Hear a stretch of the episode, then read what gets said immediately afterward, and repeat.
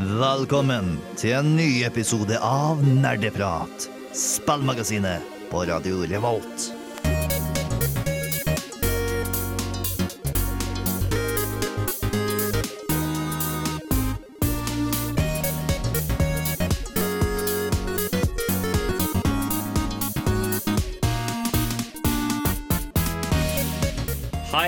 Hallo og velkommen til en ny episode med Nerdeprat. Hurra, her er vi tilbake igjen. Vi tok en liten feriedag, holdt jeg på å si. Ferieuke forrige uke. Um, vi er tilbake nå. Uh, vi har fortsatt ingenting å by på. Uh, fordi vi er hva hva skal man si sløve. Noen er dårlige på å planlegge. Jeg, jeg, jeg snakker ikke om meg selv, jeg snakker om noen andre. Ja. Jeg snakker om gjesten vår i dag. Jeg vet ikke med dere, men jeg byr i hvert fall på meg selv. Så jeg har masse å by på. Ja, Så vi skal i hvert fall bare ja, ta det litt rolig i dag. Vi skal bare jazze litt, kose oss. Og så har vi, som dere hørte da, en gjest her i studio. Det stemmer, og da blir det alltid fart og Ja, moro. Det er ja, meg, Jaran fra ja. Filmofil. Eh, Ja. For de som ikke husker meg, så har jeg pratet om Metal Gear Solid der før. Og jeg er tilbake for å prate mer om Metal Gear Solid i dag. Vi blir aldri ferdig. Nei. Um, andre som også er her i studio, jeg er jo Håkon, programleder. Og så har vi Anna. Og på teknikk, Bård. hurra. Um, det blir bra. Uh, vi skal uh, starte med nyheter. Men uh, før det så skal vi høre Sinan med Getto. Nerdenytt.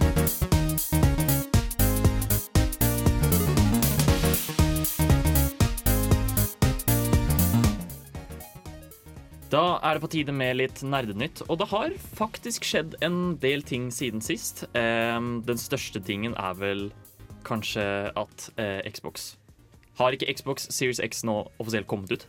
Nyheten er har den ikke det. Hæ? Nyheten er har den ikke det. Ja, ja Jeg, men, jeg, jeg er litt usikker. Uh, enten så har den Jeg vet ikke om den har kommet ut i Norge, men folk har sagt at den Altså, de snakker om uh, antall salgstall i første 24 timene, så noen, et eller annet sted har den i hvert fall kommet ut. mm, Men fordi den kommer nå, så er det ikke så lenge til den PlayStation. Og alt kommer liksom nå i november, føler jeg. Ja. For de legger opp så sykt at det skal være julegavehandel, og Ja. du kan kjøre Black Friday-tilbud og sånn. Det føles så utrolig sånn masete, men så ble jeg litt sånn Jeg har litt lyst på en PlayStation 5, kanskje. uh, så jeg begynte å google, og det er utsolgt for alt. Både Ja. um, PlayStation og Xbox, alle butikkene. Uh, ifølge Google så blir PlayStation 5 lansert i dag, 12. november. Ja, Okay. Da OK. da vi landa på det. Godt at vi har fått det klarert. Uh, men det her var de i mange engelsktalende land. Uh, resten av verden, inkludert uh, Europa. We also uh, speak for, English in Norway, Bård. For kjøpen fra den 19. november, altså om en uke. Eh, 12. november var for USA, Canada, Australia, New Zealand, Japan og Mexico og Sør-Korea. Ja. Eh, Jeg ville bare si at For de som tenker å, da kan jeg kjøpe det nå, det er ikke lett tilgjengelig. Nei, det er utsolgt. Fordi alt er utsolgt. Ja. Og så var det noe med det at eh, hvis du har bestilt over nett, så vil du ikke få konsollen med en gang. I hvert fall ikke i Norge. Nei, Og det er noen som kanskje må vente til sånn neste Som, år. ja, sommeren tror jeg noen sa at det er sånn Hvis du, får, hvis du forhåndsbestiller nå, så kan du kanskje få Xboxen din til sommeren. liksom Ja. Hvis ikke de skynder seg å trykke flere. Så Er det det at de har laget få enheter, eller er det at konsollsalget bare har skutt i været? Eh, Jeg tror det er en blanding av mange faktorer. Eh, For det første så har det blitt lagd noe færre enheter enn for PS4. Mm. Altså for PlayStation når man ser på den konsollen. Men det er også covid-situasjonen man må tenke på. At den legger jo så klart noen demper på hele produksjonen. Ja, det er veldig, veldig sant. Um, men igjen, jeg, jeg tror ikke det stemmer helt heller, fordi som jeg også så på Reddit uh, tidligere i dag uh, Xbox, Den nye Xbox-konsollen har solgt flere enheter enn noensinne i løpet av de 24 timene. Eller altså Det er det høyeste salgstallet de første 24 timene noensinne. Har du på en ny konsol. konsoll. Eh, jeg fant ikke det sånn umiddelbart, men det var Phil Spencer, tror jeg, som eh, sa det på Twitter. At eh, in 24 hours more new consoles sold in more countries than ever before. Men var det da spesifikt for Xbox-franchisen alene? Ikke sammenligna liksom med alle andre konsoller? Altså, det var sikkert den beste lanseringen de har hatt. Det Beste mener første døgnet, på en måte. Ja. Men er det sånn La oss allerede se litt frem nå, fordi Xbox Nå heter den X, gjør den ikke det? Ja. Har de bare gitt opp å telle de, eller har de, er det ingen, ingen forsøk? jeg ga det ikke opp med å telle ved Xbox One. Jo, men da tenkte du liksom at de rebootet og tenkte nå starter vi på nytt, Ja. og så blir det to, tre, fire, men nå er det én, og så X, og så Hvordan skal Hvis de telle? Xbox One er så bra, hvorfor var det ikke noe Xbox One 2? Altså, nå har jo PlayStation allerede kjørt tallrekka i alle år, så de måtte jo så klart tenke nytt. Ja. De måtte jo la det være litt mer komplisert, Fordi da virker det litt mer viktig. ikke sant? Sånn der, ja, Xbox Series One X, eller var det Xbox Series One X? Det er noen forskjeller der. Som jeg ikke klarer å holde styr over. Og så har de forskjellige modeller. De har Series X og så Series S, og så Ja. ja. Ja, nettopp den der var det mange som klødde seg i hodet over. og bare, ok, så hvis du er en, Se for deg at du er en frustrert eller litt stressa småbarnsmor som kommer i en butikk og bare 'Å, Ja. kiden min vil ha Xbox, eh, en Xbox'. OK, hvilken? og så står du der og bare 'Det er bare gi meg den nyeste'. Det er liksom den du må gå etter. Men tror du ungen blir lei seg sånn 'Mamma, jeg vil ikke ha en Series 1X', eller hva det var, jeg vil ha den andre Xboxen. Hva er liksom Eh, forskjellen her? Forskjellen er at Series X er mye større i lagringskapasitet og Ja. ytelse, mens den andre er litt den hva skal jeg si, light-versjonen, ja. som er litt lettere. Mm. Literally. Det er vel ikke fjernet diskdriven i det minste, for det gjør jo PlayStation òg. Jo, Det, jeg, det kan være de har gjort det. Jeg er litt usikker. Det eneste jeg vet om det, er at der, eh, vifta til Xbox Series X er i hvert fall så kraftig at du kan bare legge pingpongballer, og så svever dem. er den? Men kan den lette? Ja. Nei, men altså, Jo, kan Xboxen kan konsollen Xboxen. dette. Oh, ja. Den kan fly, faktisk. Det er den nyeste modellen. Xbox-modellen. ja.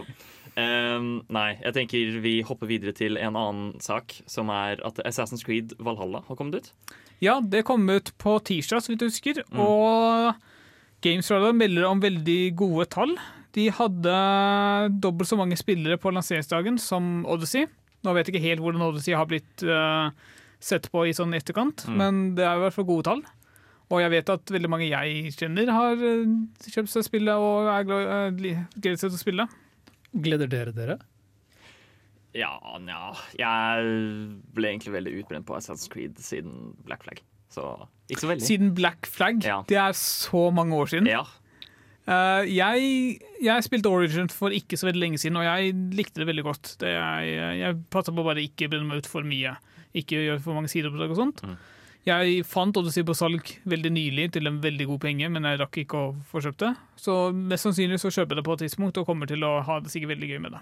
Ja. Jeg, jeg har jo ikke spilt noe særlig Assassin's Creed. Jeg bare så en som heter Skill Up på YouTube, som lager mye gaming reviews og sånn. Review det.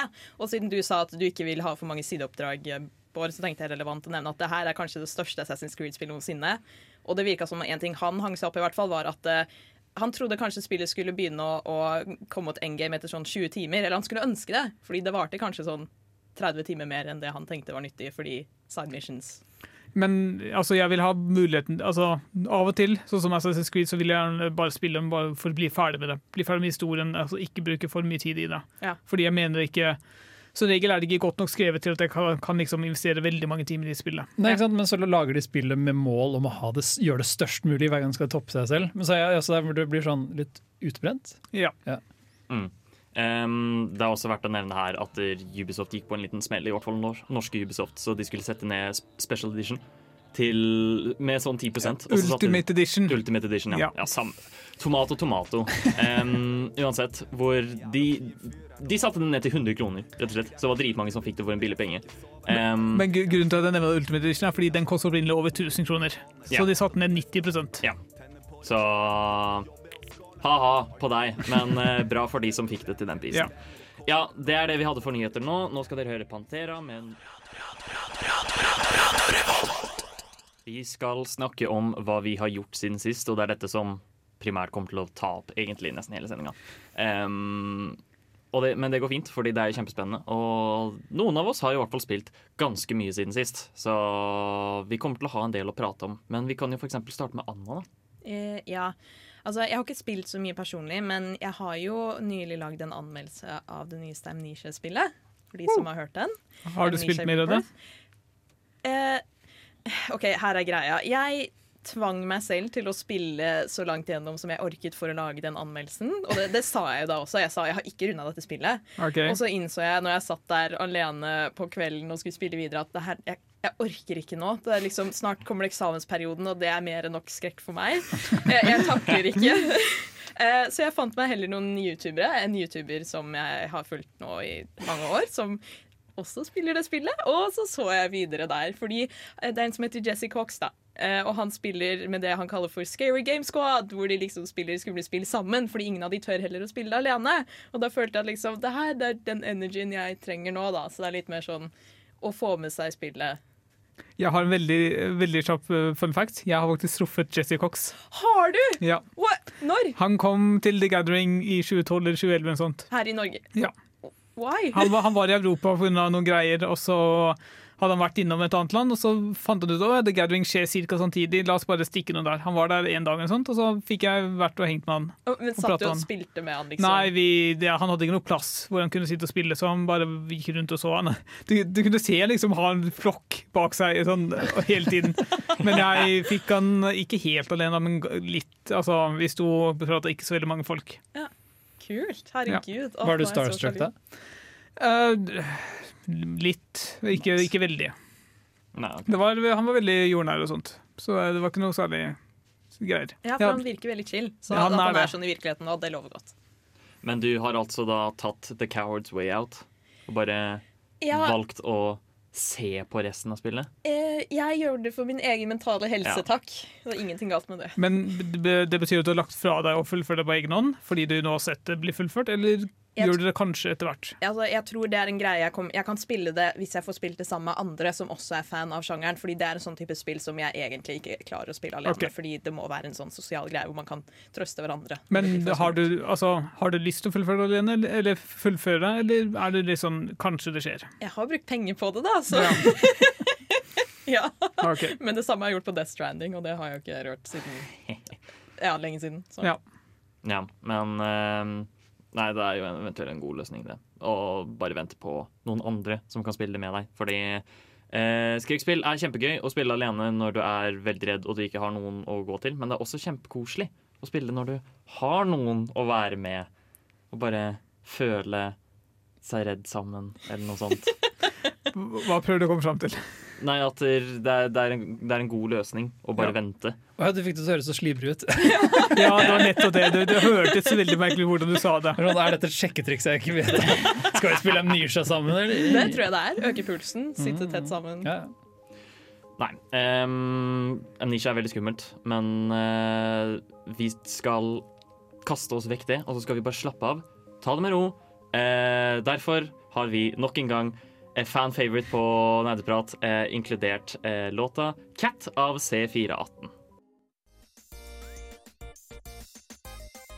Ohayo, minisan, konnichiwa. Du hører på Nerdeprat, nja-nja. På Radio Revolt, desune. Uvu.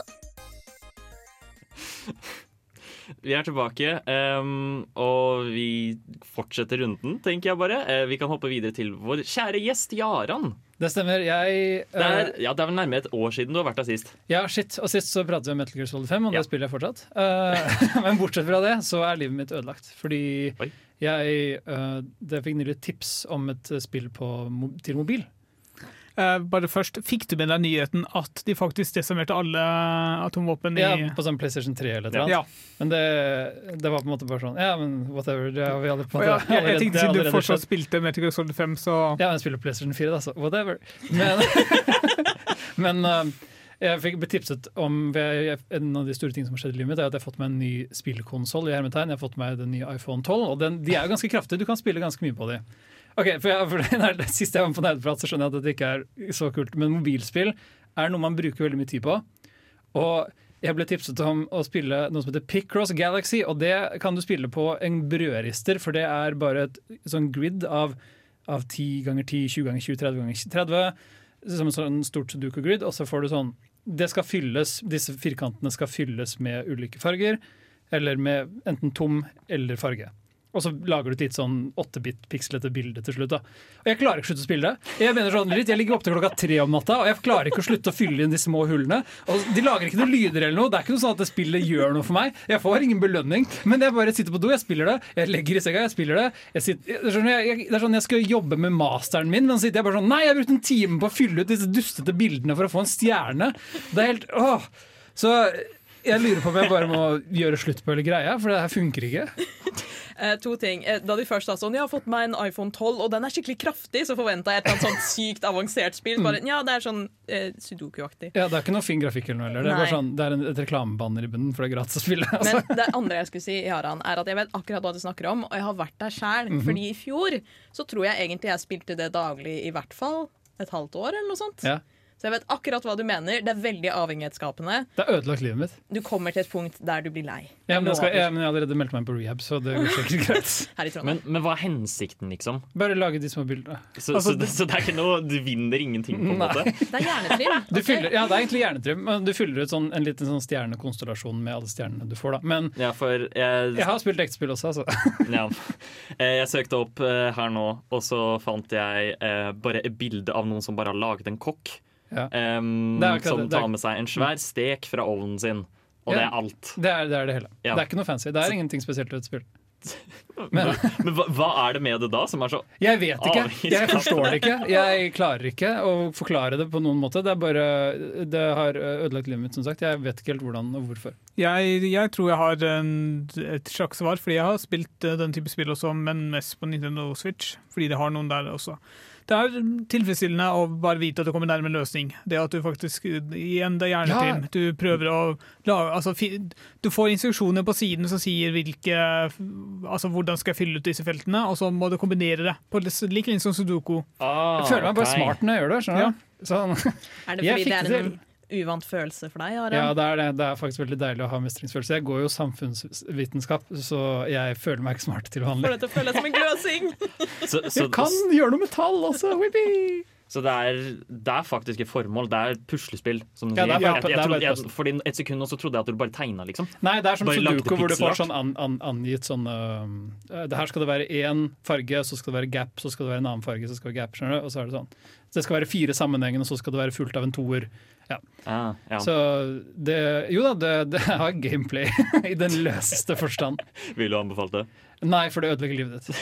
Du kommer til å, å, å innse at du har kastet bort sånn altfor mye fritid. For det skal bare være sånn spill du spiller når du er på bussen, skjønner du? Eller sånn når du sitter på do, eller når du er på T-banen, eller whatever. Men nå spiller jeg det bare sånn jeg kunne spilt, for de andre tingene jeg spiller, er Ghost Recons Wildlands akkurat nå. Ghost Recon Wildlands akkurat Ja. nå. Og det kunne jeg spilt stedet.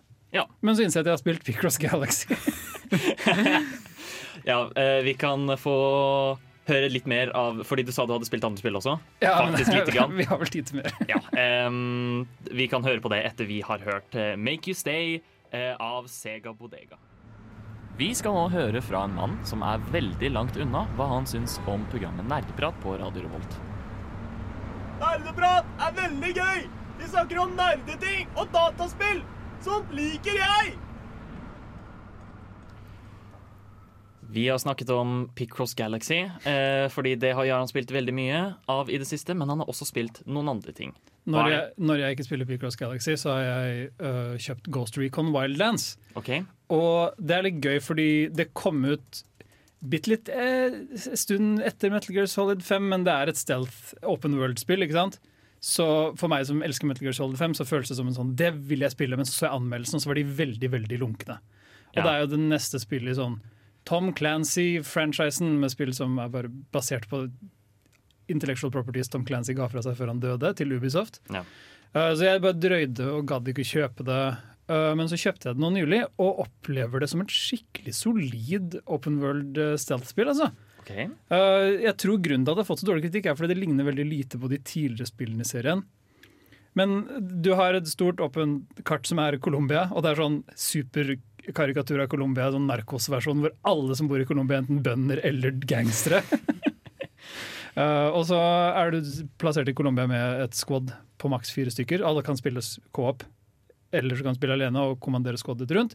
Og så infiltrerer du baser, tar ut objekter, sniker deg inn, utfører assinasjoner eller henter, um, henter data. Det, du har skikkelig mye sånn gadgets og tilnærme, forskjellige tilnærminger du kan ta, og bare mange muligheter, og det setter jeg så utrolig stor pris på. Det er det jeg liker best med snikspill, å bare ha muligheten til å gjøre hva jeg vil i et stealth-spill. Og hvis det går gærent, så har jeg fortsatt muligheten til å slåss for meg selv, men da føler du alltid at du ligger sånn et hårsbredd unna å fucke det opp. Ja. Så det får pulsen min til å gå ganske fort, i hvert fall. Eh, hva er liksom formålet med spillet? Hva jobber du mot? Er det bare å tjene inn penger, eller skal du rømme fra øya, eller Nei, dette er en campaign eh, hvor du er amerikanske soldater plassert i Colombia. okay. uh, for, for å ta ut uh, en stor sånn dopbaron som uh, måtte styre hele denne regionen. da. Fordi det er jo sånn Sør- Sør-Latin-Amerika fungerer, vet jo alle amerikanere. At Ja. amerikanske styrker må inn og fikse alt dette rotet som disse doplangerne har ødelagt. Altså Det som er ironisk, er at Amerika har mer støttet doplangere enn faktisk assassinerte. Men eh, Jeg tror ikke. Ghost Recon Wildlands er en, en, en troverdig gjengivelse av situasjonen i Sør-Amerika. Det er ikke en kritikk av eh, samfunnsmessige forhold mellom de to landene. I så fall er det utrolig skarp satire. For det er sånn, Alle er enten bønder eller doplangere. Eh, Men for å si litt om den lunkne mottakelsen Jeg tror Altså, jeg, jeg husker ikke. Jeg vet bare at det er noen år gammelt, så det har jo hatt noen, en god del stund på å bli bedre. Det kan godt hende de har patchet en del, for det er jo et, et, et av altså Ubisoft-formelen nå er jo at nesten alle spill konstant er koblet opp mot en online-server på en eller annen måte. Ja. Så med et par patches Det kan godt hende det var mye mer wonky i, i, på release, det vet heller ikke jeg. Nei. Men herregud, de har en DLC hvor du slåss mot Predator fra Predator-filmene. Vent, For du er i, du er i den søramerikanske jungelen, ikke sant? Ja. så du går, kan liksom gå inn der, og så er Predator der. Og den fulgte med i uh, den Ultimate Edition-bundlen jeg kjøpte. Og så spiller jeg det co-op med samboeren min, da, så vi har det veldig gøy sammen med det spillet. Og det løfter jo opplevelsen alltid litt, å kunne sitte ved siden av på en sofa og spille det sammen. Uh, det er ikke split screen, men vi har to maskiner. Mm. Uh, husker jeg Jeg har også spilt det sånn så vidt. Det, ligner, det minner ganske mye om det ene Far Cry-spillet som også foregår på en sånn tropisk landskap, gjør det ikke? Altså, Det er jo et Ubisoft-spill, Ja. så ja, de begynner å ligne litt på hverandre. Men du har, greia med Far Cry-spillene er at de er så utrolig actionfokuserte. Mm. Du, kan, du føler deg veldig uovervinnelig i et Far Cry-spill, mens her føler du i hvert fall litt at det er sånn hvis du, blir, hvis du driter deg ut når du prøver å snike deg inn til noe, så tar det litt så det tar en viss tid inn i spillet hvor du føler deg veldig underpowered ganske lenge.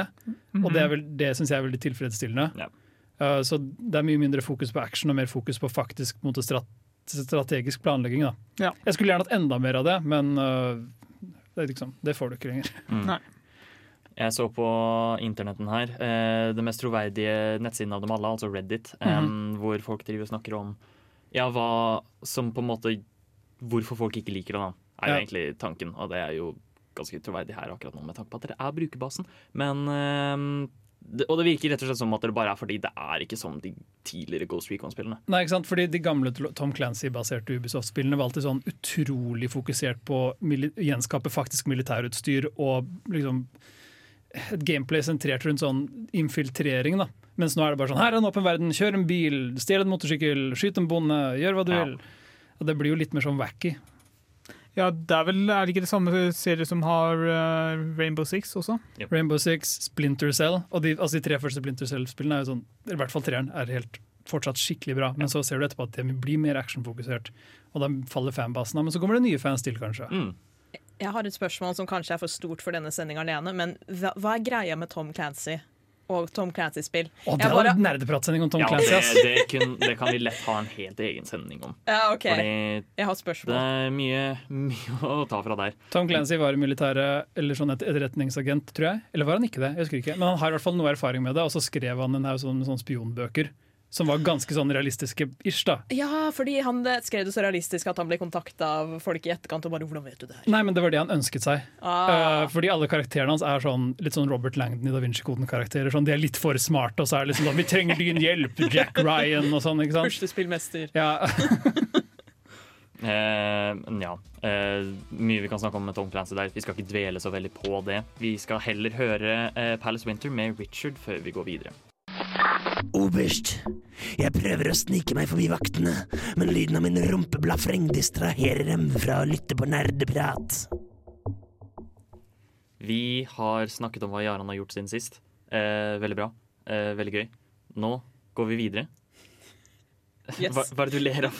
Det var bare veldig offisielt. Ja, tusen, sånn, tusen, tusen takk for feedback. Jeg er veldig glad for det. Ja, veld, veldig, veldig flink gjest. Takk, Filmoflink. takk. Har spilt spill. Ja, spilt spill. Bård, du har også spilt spill. Jeg har spilt så jævla mange spill i det siste. Uh, la meg starte med den jeg har lyst til å snakke mest om, fordi den tror jeg er litt oversett. Uh, det er et spill som heter The Outer Wilds, oh. ikke The Outer Worlds. Ja. Ja, for jeg skulle si, Er det det som gjorde at de som utvikla The Outer Worlds, sendte en mail til de som lagde Outer Worlds og bare 'Unnskyld at vi hadde et så likt navn, vi innså ikke dette før etterkant'. At det kan ja, kanskje jeg, jeg aner skadet. ikke. Jeg vet ikke noe om det. Jeg, bare, jeg har kost meg så mye med The Outer Wilds. Eh, det er et eh, mysteriespill, eh, er vel den beste beskrivelsen. Du er en astronaut. Du blir plassert, du våkner opp og bare 'Å ja, du, du skal ut i rommet i dag. Da gå og finne uh, rakettoppskytningskodene.'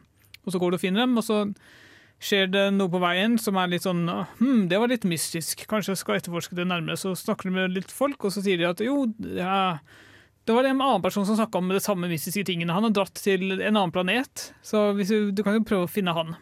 Og så starter det da en ganske lang og Eller ikke veldig lang. Jeg har ca. fullført spillet på sånn 15 timer, men ganske lang.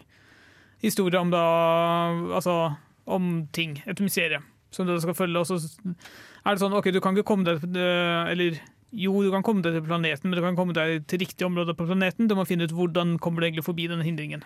Lignende sånn The Witness og lignende sånne spill. Du løser litt gåter for å finne ut hvordan du faktisk kommer deg videre. Så det er et førstepersonsspill med fokus på utforskning? på en måte? Er det det? Ja, eller jeg vil, Ja, jeg vil si utfor, fokus på utforskning og fokus på liksom løse gåter. og liksom ting er, Det er ikke noe Du får ikke noe gjenstander som hjelper deg videre, du får bare informasjon. Du må bruke informasjon videre for å komme Å ja, vent da, hvis det her stemmer, så kan jeg gjøre dette her på en helt annen planet. Mm. Fordi um, jeg ser jo også her på internetten at den har fått ekstremt mye god kritikk. Hvor den blant Ja. annet har fått uh, Game of the Year-piece av Giant Bomb, Polygon, Eurogamer og The Guardian. Ja, altså spillet er helt fantastisk. Jeg plukket opp uh, for uh, rundt 100 kroner under halloweensalget til Steam, og jeg angrer ikke et sekund. Mm. Jeg så, Første dagen jeg satt og spilte det, så tror jeg jeg satt oppe til sånn fire, halv fire. Og sånt, og bare, da må jeg sove i sånn fire timer for å fikse den rytmen min før jobb neste, altså etter helgen. Så ja, veldig, veldig gøy. Mm. jeg anbefale det. Hvis du liker sånn type spill, hvis du liker type The Witness, Antichamber, alt mulig sånt. Okay. Jeg liker Ja. ikke nødvendigvis Ja, Antichamber, men uh, det er, det, Antichamber er litt mer sånn uh, hva du plukker opp, kan hjelpe deg videre, mens her er det bare du må, ha, du må lære deg kunnskap. Ja. Lignende The Witness. Men det, ja, det høres spennende ut. Ja. Eh, har du en kjapp en til? En, en kjapp en til. Jeg kan nevne kort at uh, etter forestilling, jeg tror det var Steinar som nevnte Droom 1, 2 og 3 uh, for meg. Jeg har spilt gjennom 2 og 3 nå for første gang, og eneren for andre og tredje gang. Fortsatt uh, veldig gode spill. Var det det som var mobilspill? Det finnes også på mobil, men jeg har spilt det på PC. Det er uh, altså Jeg husker escape som room-type spill. treeren på mobil. Ja, jeg tror alle Ja. de finnes på mobil. De er ganske simple. Du er interessert med et miljø, så skal du prøve å plukke opp gjenstander, finne ut hvordan de fungerer, og prøve å løse liksom, komme deg videre. Det er Ja. utgangspunktet et slags sånn 3D point and click. uh, Ja. ja. Mm. Eh, nettopp det. Så ja, veldig bra. Og litt, eh, jeg vil si de har litt mye, for mye skrekk enn det de egentlig trenger å ha, men jeg overlevde. Det var, ikke noe, det var bare litt sånn merkelig. Eh, men du har jo spilt dritmye spill. Ja, jeg har spilt eh, Så masse mer. vi skal høre mer, men vi skal høre en liten låt først òg. Vi skal høre James Blake med 'Before'. Bård, du har flere spill å snakke om. Jeg har det. Uh, I stil med det jeg sa, snakket om rett før låt. Jeg tok også en liten titt på Observer, som er et lignende spill du skal løse, altså etterforskningsspill, vil jeg si. Uh, utviklet av polsk, eh, et polsk selskap, som får en ny utgave som kom ut nå på tirsdag. Som var liksom grunnen til at jeg skulle sjekke det ut. Som var liksom, ok, Hvis jeg er interessert i dette spillet, så kan jeg kjøpe den nye versjonen, fordi jeg Fikk det veldig på rabatt fordi jeg hadde originalen fra en eller annen bundle eller noe sånt. Men jeg likte det ikke helt. Jeg, igjen, jeg liker ikke spill som har for mye skrekkelementer sånn egentlig uten noen grunn. Og når det var liksom ca. ferdig med etterforskningen, eller i hvert fall halvveis inn i etterforskningen, så bare Å ja, nå skal du gjennom en bare masse skrekkscener. Sånn egentlig uten noe særlig grunn. Ja. Er det det som er satt på en romstasjon? Mm, Nei. Eller tenker jeg på et annet da? Det, jeg søkte opp bilder nå, um, og et av de første bildene som kommer opp her, er i hvert fall en, en hel haug med mennesker som bare har TV-skjermer som ansikt. Så det, ser, så det ser mer ut som liksom, typ sånn dystopi frem. Mm. Ja, det er, det er fremtiden. Fremtids-Warszawa, tror jeg det er. Og du, folk har en liksom nevreting som du kan koble deg på. Eller du er en observer, så du har muligheten til å koble deg på andre folk. Så det er jo det som liksom starta denne skrekktingen.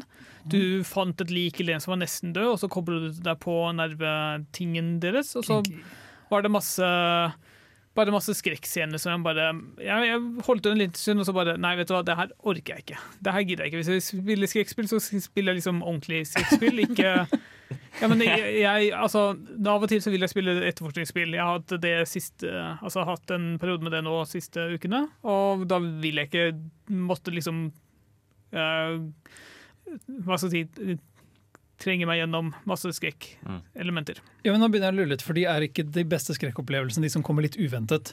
Når du spiller eksempel Amnesia, så vet du at nå skal jeg være redd, så setter du deg ned, og så er du liksom klar for at nå skal det være intenst og skummelt. Mens av og til når du spiller et spill som har et sånn plutselig skrekkelement, så kan det være sånn megaeffektivt. Jo, men det var ikke så plutselig. Det var bare Nei, okay. at du, du kobler deg på, og så ok, nå, nå skjer det noe, nå kommer jeg til å se noe. Mm. Og så starter det mye bare med litt skrekk og sånn, men så går du bare rundt Altså, tingene var ikke så mye skummelt heller. Du gikk litt rundt et rom, du gikk mellom steder og andre. Når du snudde deg, så var ting litt annerledes enn det du huska det og. Så det var ikke veldig skrekk. Det var liksom Det var bare unødvendig, følte jeg, da jeg satt og spilte inn da. Som er grunnen til at jeg eh, bare gitt opp. Det kan hende at det blir bedre etter hvert. Det kan hende at jeg ga opp for tidlig. Det vet jeg ikke nå. Men jeg får se. Men følte du at det var, det var som de hadde smelt sammen to sjangere? Bare for å ha liksom litt skrekkeffekter som kunne De, altså ja og nei. De kunne, de kunne gjort det på en annen Altså, jeg tror det virka mer som et skrekkspill eller psykisk eh, terrorspill med litt etterforskningselementer for å gjøre det litt interessant enn nødvendigvis det jeg var på utkikk etter da, som var liksom bare OK, jeg vil jeg vil etterforske ting. Jeg vil, eh, for eksempel De Sherlock Holmes-spillene syns jeg er veldig gode. De nye. Hvor du kan liksom trekke konklusjoner og sånt på egen hånd. Eller i noir-lignende. Men det var litt for mye skrekk. jeg er veldig interessert. Det har veldig sånn Blade Runner-stil. Ja, det Altså. Spillet så bra ut, spesielt altså nå igjen. um, på tirsdag så kom det ut en ny versjon som er liksom forbedret. Jeg kunne fått den for 50 kroner og sånt, som var grunnen til å sjekke det ut. Og så får jeg se hva Og så får jeg se, kanskje jeg gjør det senere. Men Mm. hvilken, hvilken teletubby er det som har TV på hodet? Fordi alle de andre teletubbene hadde TV på magen. Jeg ikke den Teletubby som har TV på hodet. Det er forbidden Teletubby. We don't speak about her. Hun er under det, det, det, der hvor de bor, teletubbene. Ja. Og der nede i kjelleren sitter en teletubby med TV og sånn The upside down av Teletubby-verdenen. Å nei! Det var, sånn, det var noen som prøvde å gjøre alle om til Teletubbies, men de husket litt feil av serien. Mhm.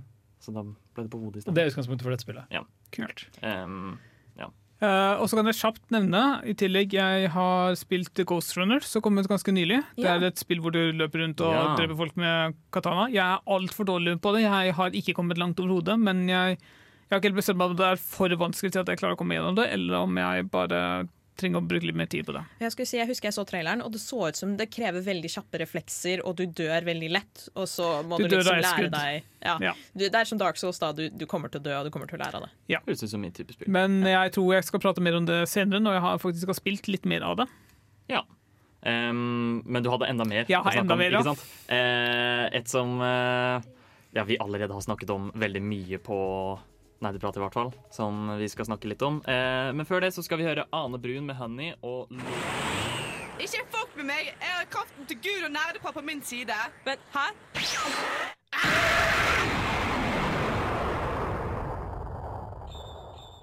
Velkommen tilbake til Bård-prat. Eh, vi snakker fortsatt om hva Bård har spilt siden sist.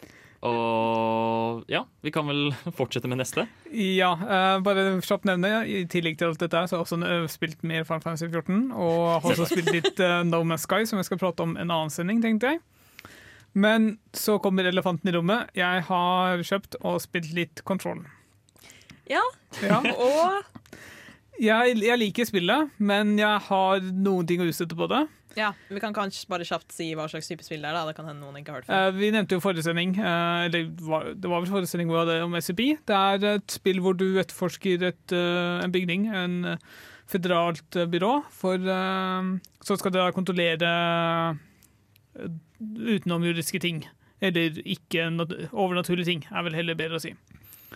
Så du kommer bare inn, og så begynner du å utforske ting, og så møter du noen folk som bare sier OK, du burde gå dit, du burde gå dit. Og så er det jo Huset er litt sånn spesielt, bygningen er litt sånn spesielt. Det kalles det Oldest House, hvis du husker riktig, og har litt sånn en egen vilje. Så av og til så kan du eh, Du kan kapre et sånt eh, punkt i et rom, og så plutselig så endrer rommet seg litt, og så kan du plutselig gå gjennom en dør som ikke var mulig tidligere.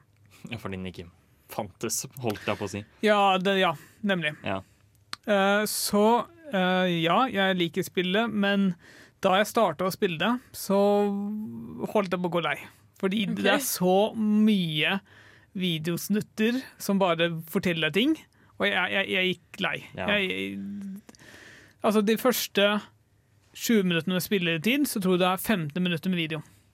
Eh, ja, jeg kan si med en gang at det, jeg tror det er det som kan være en ganske uh, Altså det er det som kan eh, få folk til å miste lyst på å spille videre, fordi det er noen som elsker å samle opp gjenstander og lære law og sånn på den måten, mens andre bare ikke vil ha noe av det og vil spille istedenfor å lese eller høre eller se. Men altså, Jeg har ikke noe imot å samle opp ting, og sånt, og det, det har jeg gjort i mange spill, men når du blir plassert i spill, og du skal liksom lære deg å spille, du skal få få oppleve spillet, så blir du møtt av sikkert 15 minutter med video før du faktisk kan gjøre noe ordentlig. Og det, det er for mye for min del. Mm. Jeg følte også særlig i prologen da, så var spillet sånn um, Du får lov til å spille lite grann nå, og nå skal du så få flere cutscenes Ja. igjen. Og da blir det bare sånn det, det tar Altså, det er spennende å se på.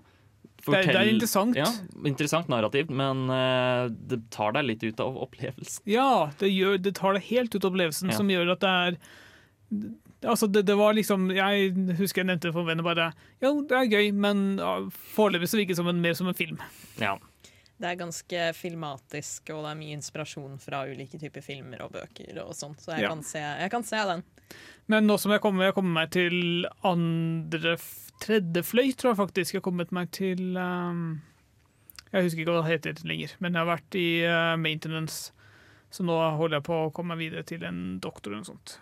Ja, Da tror jeg du har kommet lenger enn meg. Det kan godt hende. Ja. Uh, og så må jeg si en annen ting som er altså, jeg, Det kan være fordi jeg ikke har spilt lenge nok heller. Det er litt irriterende at du har begrenset med ammunisjon i våpenet ditt, og så må du vente i en evighet før du kan lade om. Det er, du mister litt sånn taktisk uh, planlegging av uh, skytingen din. Eh, Det spørs hva slags mods du har satt på våpenet ditt og sånn, for Jo. du kan eh, endre det til en viss grad. men jo, men i starten, helt i starten så bare Å ja, nå er eh, magasinet mitt tomt, og jeg må vente ti sekunder før jeg kan skyte på nytt. Da får jeg bare gå hjemme meg. Mm. Inntil du får den første kraften din, som gjør at okay, du kan drepe fiender med den også, men det er ikke så varierende. Det er liksom enten bare pøs på med den kraften din, og så skyt når du ikke har nok av det, og så bytt og bytt og bytt. og bytt. Det, ja.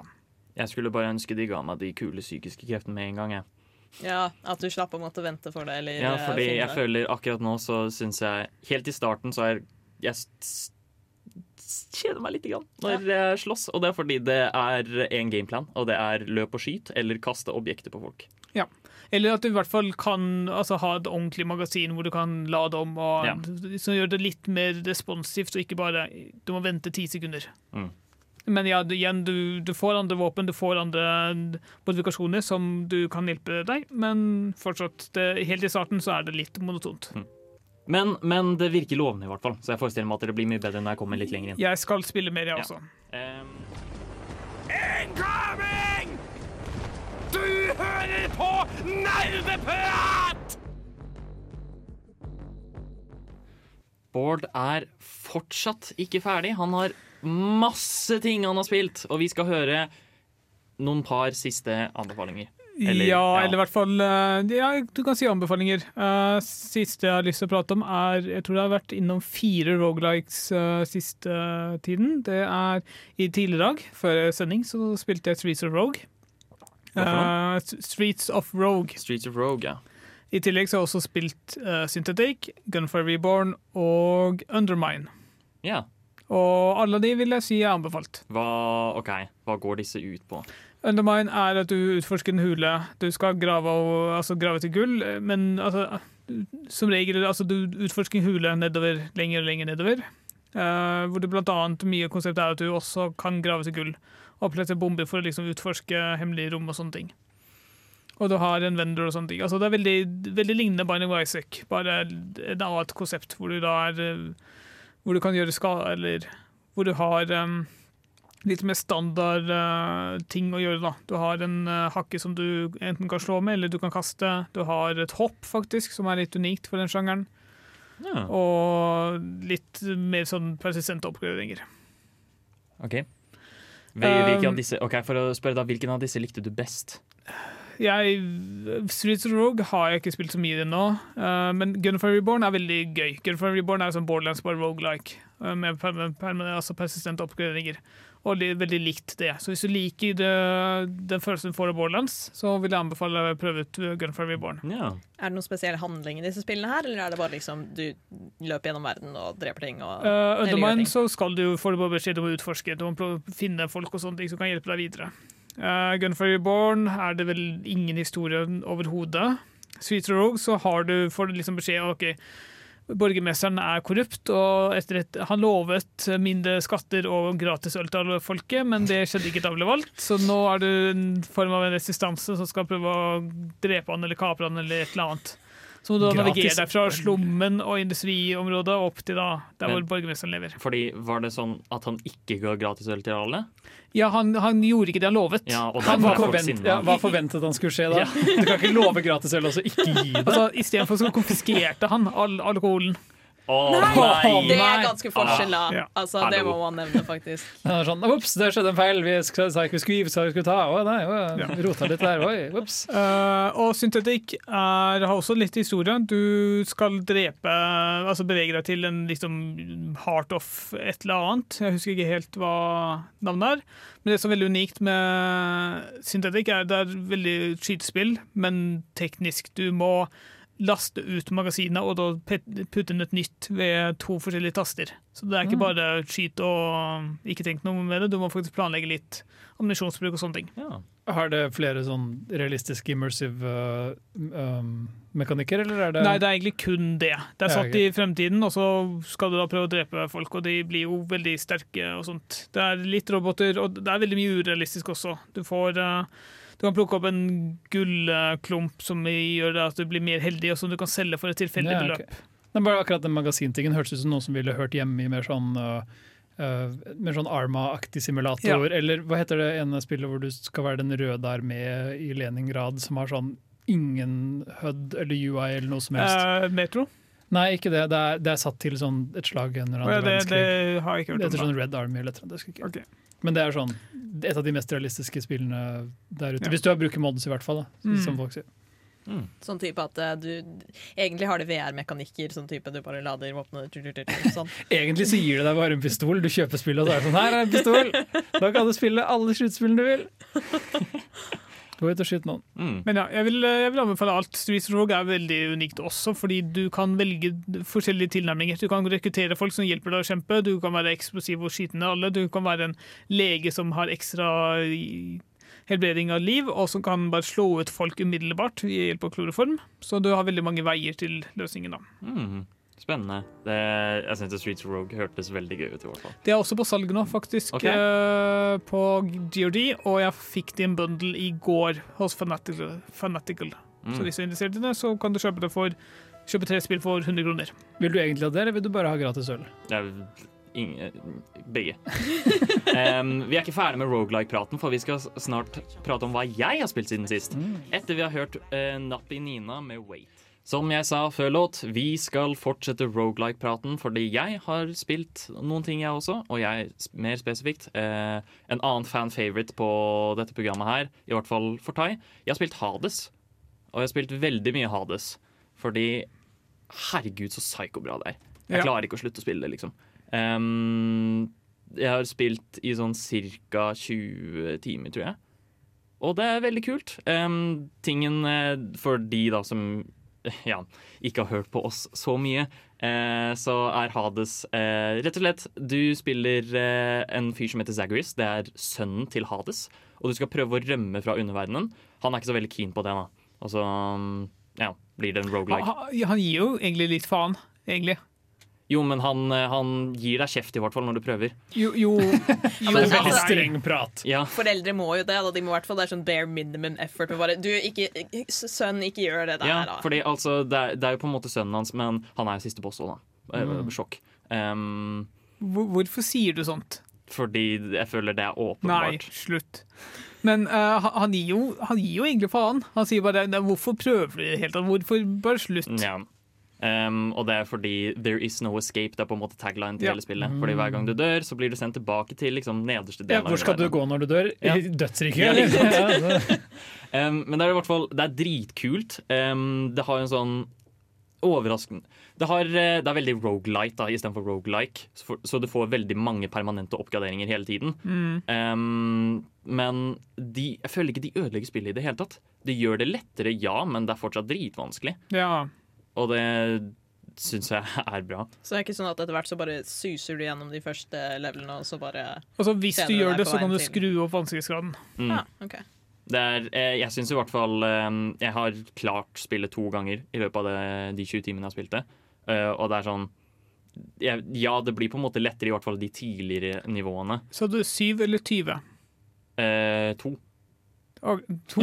to Ingen av delene. Det var 20 timer, ja. Ja. 20 timer. Ja. Um, klart det to ganger, eh, og det har um, og det, det var jo vanskelig, men jeg har også fått Fordi det er jo rogelike også, så det er veldig mye sånn flakselementer i det. Ja. Fordi alle gudene, alle oppgraderingene du får, er jo via gudene. ikke sant? Så, um, og det er enkelte våpen som fungerer bedre til forskjellige guder. Sånn som, Jeg er jo veldig glad i hanskene, som bare er rett og slett ja, to par med boksehansker som gjør dritmange kjappe angrep. Og da, Det fungerer f.eks. bra med sus, som eh, gir deg chain lightning effects. Som gjør at det sprer seg videre til andre folk. Mm. Og da Ja. Så jeg liker det veldig godt. Og så er det Ja. Ja, så du må, burde kanskje også si at uh, SUS-oppgradering er ikke kun chain lightning. Det er avhengig av hvor du putter den oppgraderingen. Du kan oppgradere forskjellige typer angrep, og de har forskjellig effekt. Mm. Um, en annen ting jeg også liker ekstremt godt med spillet, er at de har lagt inn så enormt mye innsats i bare å få verden til å føles levende ut. Fordi du, du, du møter en person liksom på vei opp til underverdenen, og så går du tilbake til huset av Hades, og så snakker vi med og så er han sånn ah, 'Jeg hørte du møtte denne personen her. Hvordan var det?' Og så, så det føles veldig levende ut, da. Og så er det Jeg har jo spilt eh, i 20 timer nå hvor eh, jeg, jeg tror ikke jeg har fått den samme voicelinen en eneste gang. Fordi du møter de samme bossene, på en måte, på veien opp til eh, toppen. Og da er det den første bossen, som er, heter Megara, som er en av The Sisters of Fury i gresk mytologi. Um, og hun har nye voicelines hver eneste gang jeg snakker med henne. Så de klarer, i en spillsjanger som bygger rundt på å være repetitiv, så klarer de ikke få det til å høres for repetitivt ut. Ja. Det er ganske imponerende. Men er det, responderer de spesifikt på sånn at de ser, møter deg igjen, eller er det mer sånn Ja, det, de kan gjøre det. Eller kanskje du har kommet deg dritlangt opp, og så er de sånn derre eh, Jeg er så sykt sur for at du ikke klarte å komme deg ut når du slo meg. Ja, mm, Ja. Du burde jo faen meg klart å komme deg ut hvis du først skulle ha slått meg, på en måte. Nice. Så um, For de også må tilbake til starten når de dør. De er også bare Ja. enige på. Jeg vil også gi litt heder til spillet, fordi altså, du kan justere vanskelighetsgraden, men altså, mye av oppgraderingene du låser opp, kan du også bare skru av etterpå hvis du syns det blir for enkelt. Ja. Du kan faktisk justere etterkant, som er noe veldig få spill lar deg gjøre. mm. Så hvis du Hvis du liker rogelikes, hvis du liker fast-paced combat fordi det er ekstremt kjapt, øh, og hvert combat encounter er liksom over på sånn 20 sekunder, I starten, i hvert fall. ja. um, og det liker jeg veldig godt. Og så har det vel sikkert en skikkelig banger av et soundtrack, siden det er Darren Korb som også Det står er for det her. ganske bra. Ja, shit, det er jo de samme folka som gjorde Pyro, Transistor og Ja. Bastion og sånn. Ja, og de er, og herregud, det er alltid bra. Ja. De, de er um, De er et sånt party som på en måte De prøver seg på nye sjangre nesten hver gang Ja. eh, de lager et nytt spill, og det syns jeg er veldig Det eh, går på å introdusere twister til det også, liksom. Ja. Ja. Så selv om det kanskje ligner i hvert fall stilmessig og med hele den overview-greia til, til det spillet de har laget, så er det helt forskjellig. Og det ja, veldig, veldig bra. Og det er ikke så dyrt, og det er ekstremt mye content. Anbefales på det høyeste. Jeg skjønner ikke hvorfor Tai ikke bare sa hvor bra det var. Han gjorde det, ja. Nei, um, vi er ikke ferdig med å høre hva jeg har gjort siden sist, men vi skal høre noen låter. Vi skal høre Isaac Silent med Pre-Flight Depression. Nerdeprat på Radio Revolt. Jeg har også spilt mer siden sist, og jeg tenker jeg bare skal fortsette på dette. Jeg har snakket også en del om denne spillserien her.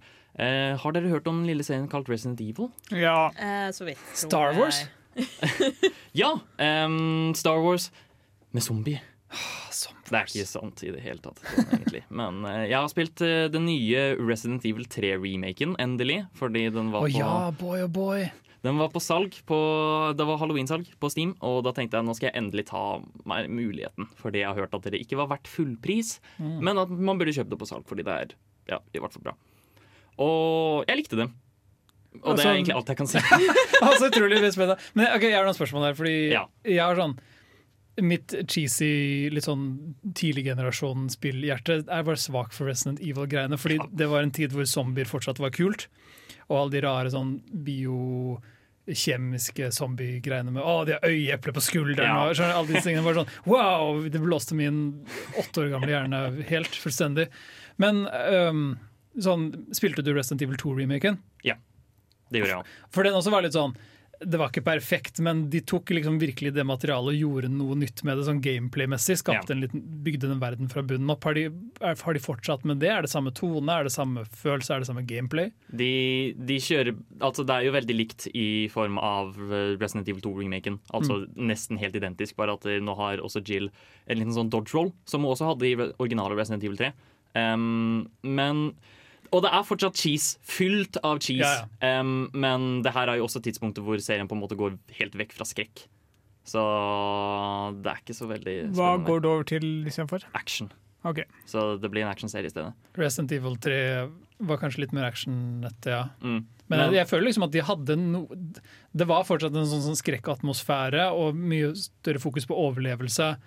Og for, for Resident Evil 4 også klarte på en måte å ha en del sånn skrekksegmenter. Ja. Det var kanskje ikke før Resident Evil 5 at det virkelig ble sånn nå er det bare straight up en actionfilm. Ja. Eh, et actionspill, mener jeg. Ja. Men ja. Ehm, og min, min største klage med Resident Evil 3 er vel for så vidt uh, når vi snakker om Resident Evil 2. Fordi, um, For å oh, summere her nå Resident Evil 2 uh, og Resident Evil 3 skjer samtidig. Um, hvor det på en måte du er i denne byen som heter Raccoon City, hvor det har skjedd en zombie outbreak. Og så eh, har du i Resident Evil 2 så har du Leon Kennedy på denne politistasjonen. Resident Evil 3 så har du Jill Valentine, som var en protagonist i original Resident Evil, som nå bare har fått en svær jævel som heter Nemesis, som bare skal jakte og drepe henne. Ja. Og så må hun prøve å overleve. Em, og det var en stor del av det originale Resident Evil 3, hvor han bare kunne dukke opp når som helst, og han var jævlig skummel. Han løp etter deg, han kunne bruke våpen. Mm. Uh, det, var, det føltes hjelpeløst ut.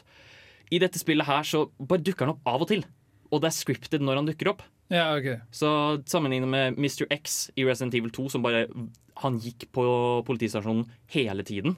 Eh, og du kunne møte på han når som helst, på en måte. Så da var han en trussel hele tiden. Men her så er det bare sånn han er en mild inconvenience. Det er morsomt, for spillet heter jo Nemesis.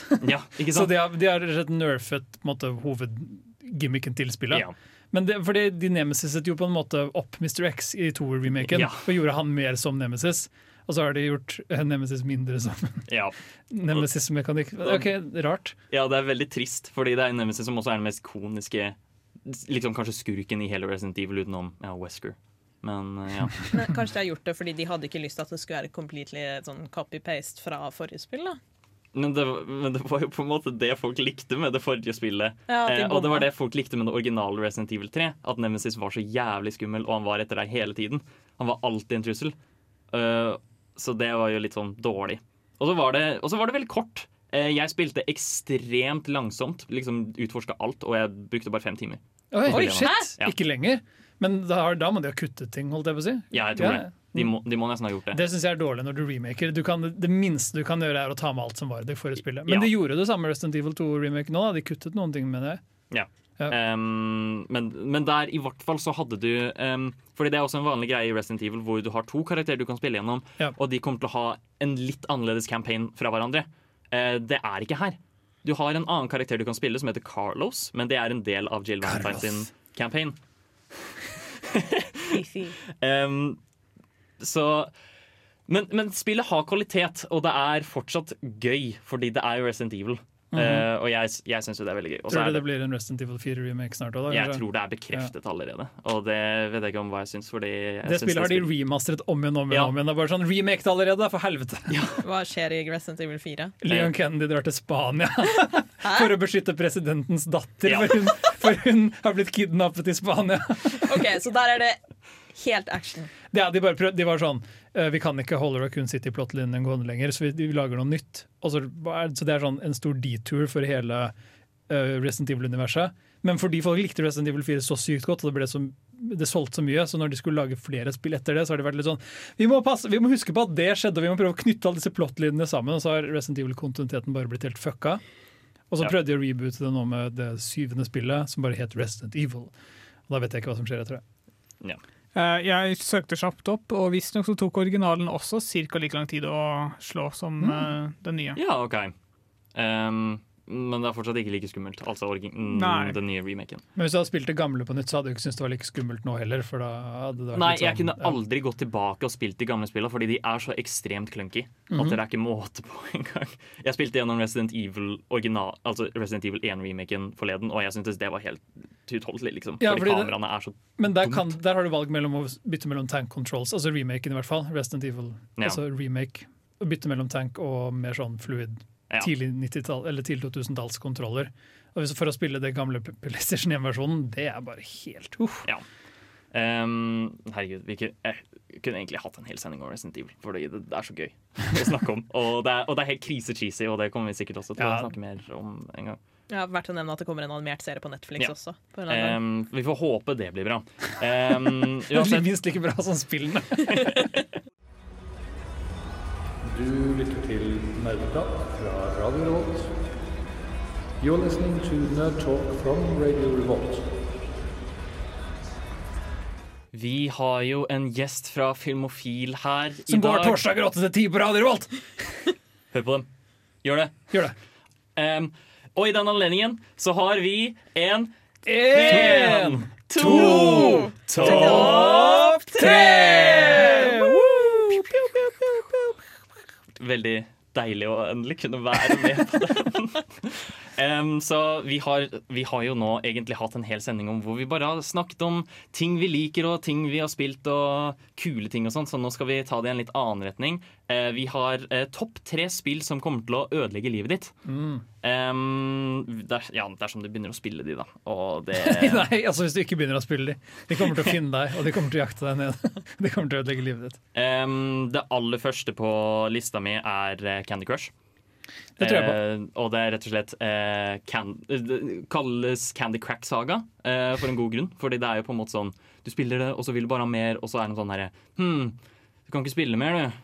Men kanskje du skal Betale en liten slant. Ja. slant, Kom igjen, da. Det er bare 20 kroner. 50 kroner. Og så er det den eh, Hvis du ikke får til nivået, ikke sant og så bare Nei, jeg skal klare nivået! Og så bare får du det ikke til, og så må du sitte og vente på Mm. at du skal få flere liv og sånt. Det er helt grusomt. Ja, for, for Har du spilt Candy Crush? Ja. Fordi jeg og Anna snakket om det tidligere, at vi er sånn Vi kan ikke begynne å spille Candy Crush, fordi jeg vet allerede at jeg er for svak. Ja. Jeg vet at det ville skadet meg uh, fysisk, så jeg har holdt meg unna det. Men jeg tviler ikke på at det er uh, Jeg er veldig svak for belønnings, det belønningssystemet. Ja. Um, det neste på lista mi er eh, League of Legends. Og det er rett og slett fordi Det har allerede ødelagt, ødelagt mange liv. Ja. Em, jeg har, eh, og det, her snakker jeg fra personlig erfaring. Jeg har aldri vært så sinna med videospill som når jeg har spilt League of Legends. Og fordi Det er et sånt spill som jeg ser på som eh, Jo mer du vet, desto mindre gøy er det. Ja, det støtter jeg. Mm. Hvor det bare er sånn Nei, det, det er plutselig ikke så veldig Altså, fordi jeg spiller jo det av og til med en venninne, eh, og hun hun tok en veldig lang pause før hun lærte seg å faktisk spille spillet ordentlig. Så jeg, blir, jeg merker liksom bare Hvorfor gjør de ikke dette her? Hvorfor gjør de ikke dette her? Hvorfor Ja. gjør de ikke dette her? Og jeg blir bare Ikke veldig frustrert, men bare litt inni Ja. meg. Hvor det, Ja. Er det mest ødeleggende fordi du irriterer deg over andre spillere, tror du? Jeg syns det. Når Altså, eller det at du også liksom setter en veldig høy terskel for deg selv. Altså, du, du, later, du tror du er mye flinkere enn du er, Ja. og så blir du sint når du ikke klarer å innfri de eh, forventningene du har selv. Er også, jeg, jeg personlig i hvert fall er en veldig casual spiller. eh, når det gjelder league. Eh, jeg syns det er gøy å spille det, og alt det der, men jeg pleier som regel ikke å ta det altfor seriøst. Um, Men, men så gjør dere det plutselig ja, så gjør man det plutselig. Eh, du finner deg selv å ta det altfor alvorlig. Ja. Um, og så blir du irritert da, fordi uh, topplaneren deres går full tank når de spiller jeg vet ikke, Akali. Eller noe sånt. Ja. Og det er bare sånn an, Du bare tryharder noe jævlig, og jeg syns ikke det er noe gøy. Og blir jeg sinna. Um, nå, kom igjen. Nei, jeg må det her, det her er derfor jeg slutta å spille liga. um, det siste uh, jeg, jeg har egentlig Det her har, går ikke an å spille lenger, men jeg vil bare ta fram eh, en gammel en. Um, som all, alle dere homies der ute som har vært med på dette, kommer til å kjenne dere igjen. Så bare unngå denne type spill, og det er Habbo. Ja. Er, er det i det hele tatt et Kaller man Habbo et spill? Det var jo på en måte aldri Man gamet jo ikke Typ Habbi. Second Life-aktig Ja, spill, da. Det, var, Ja. det, er, det er en slags egen sjanger som man aldri tenkte på som spill. Mm. På en måte, Målet med Habbo var jo bare å prate med andre folk og putte møbs i, i leiligheten din. Men um, hvis, for alle dere som på en måte ble skamma av Habbo-kjæresten deres, uh, Mm. vi ser dere.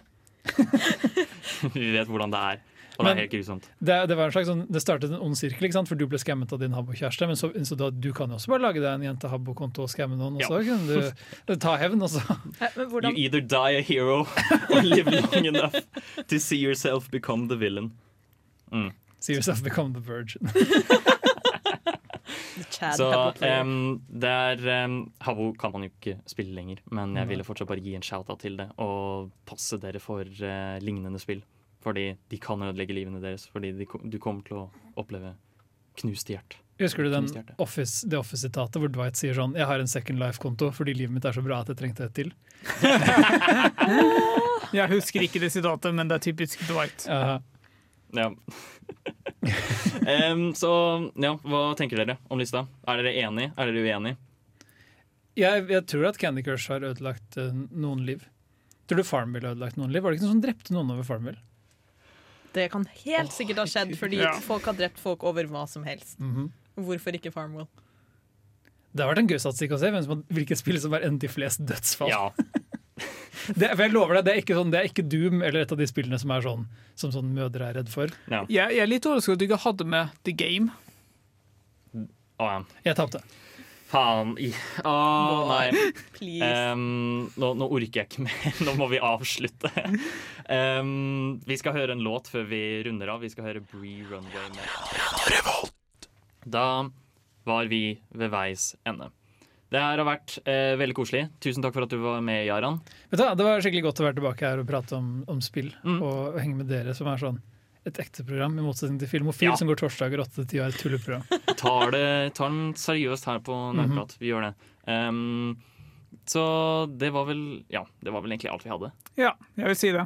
Um, så takk for at du hørte på. Uh, jeg har vært Håkon, og så har vi hatt Anna?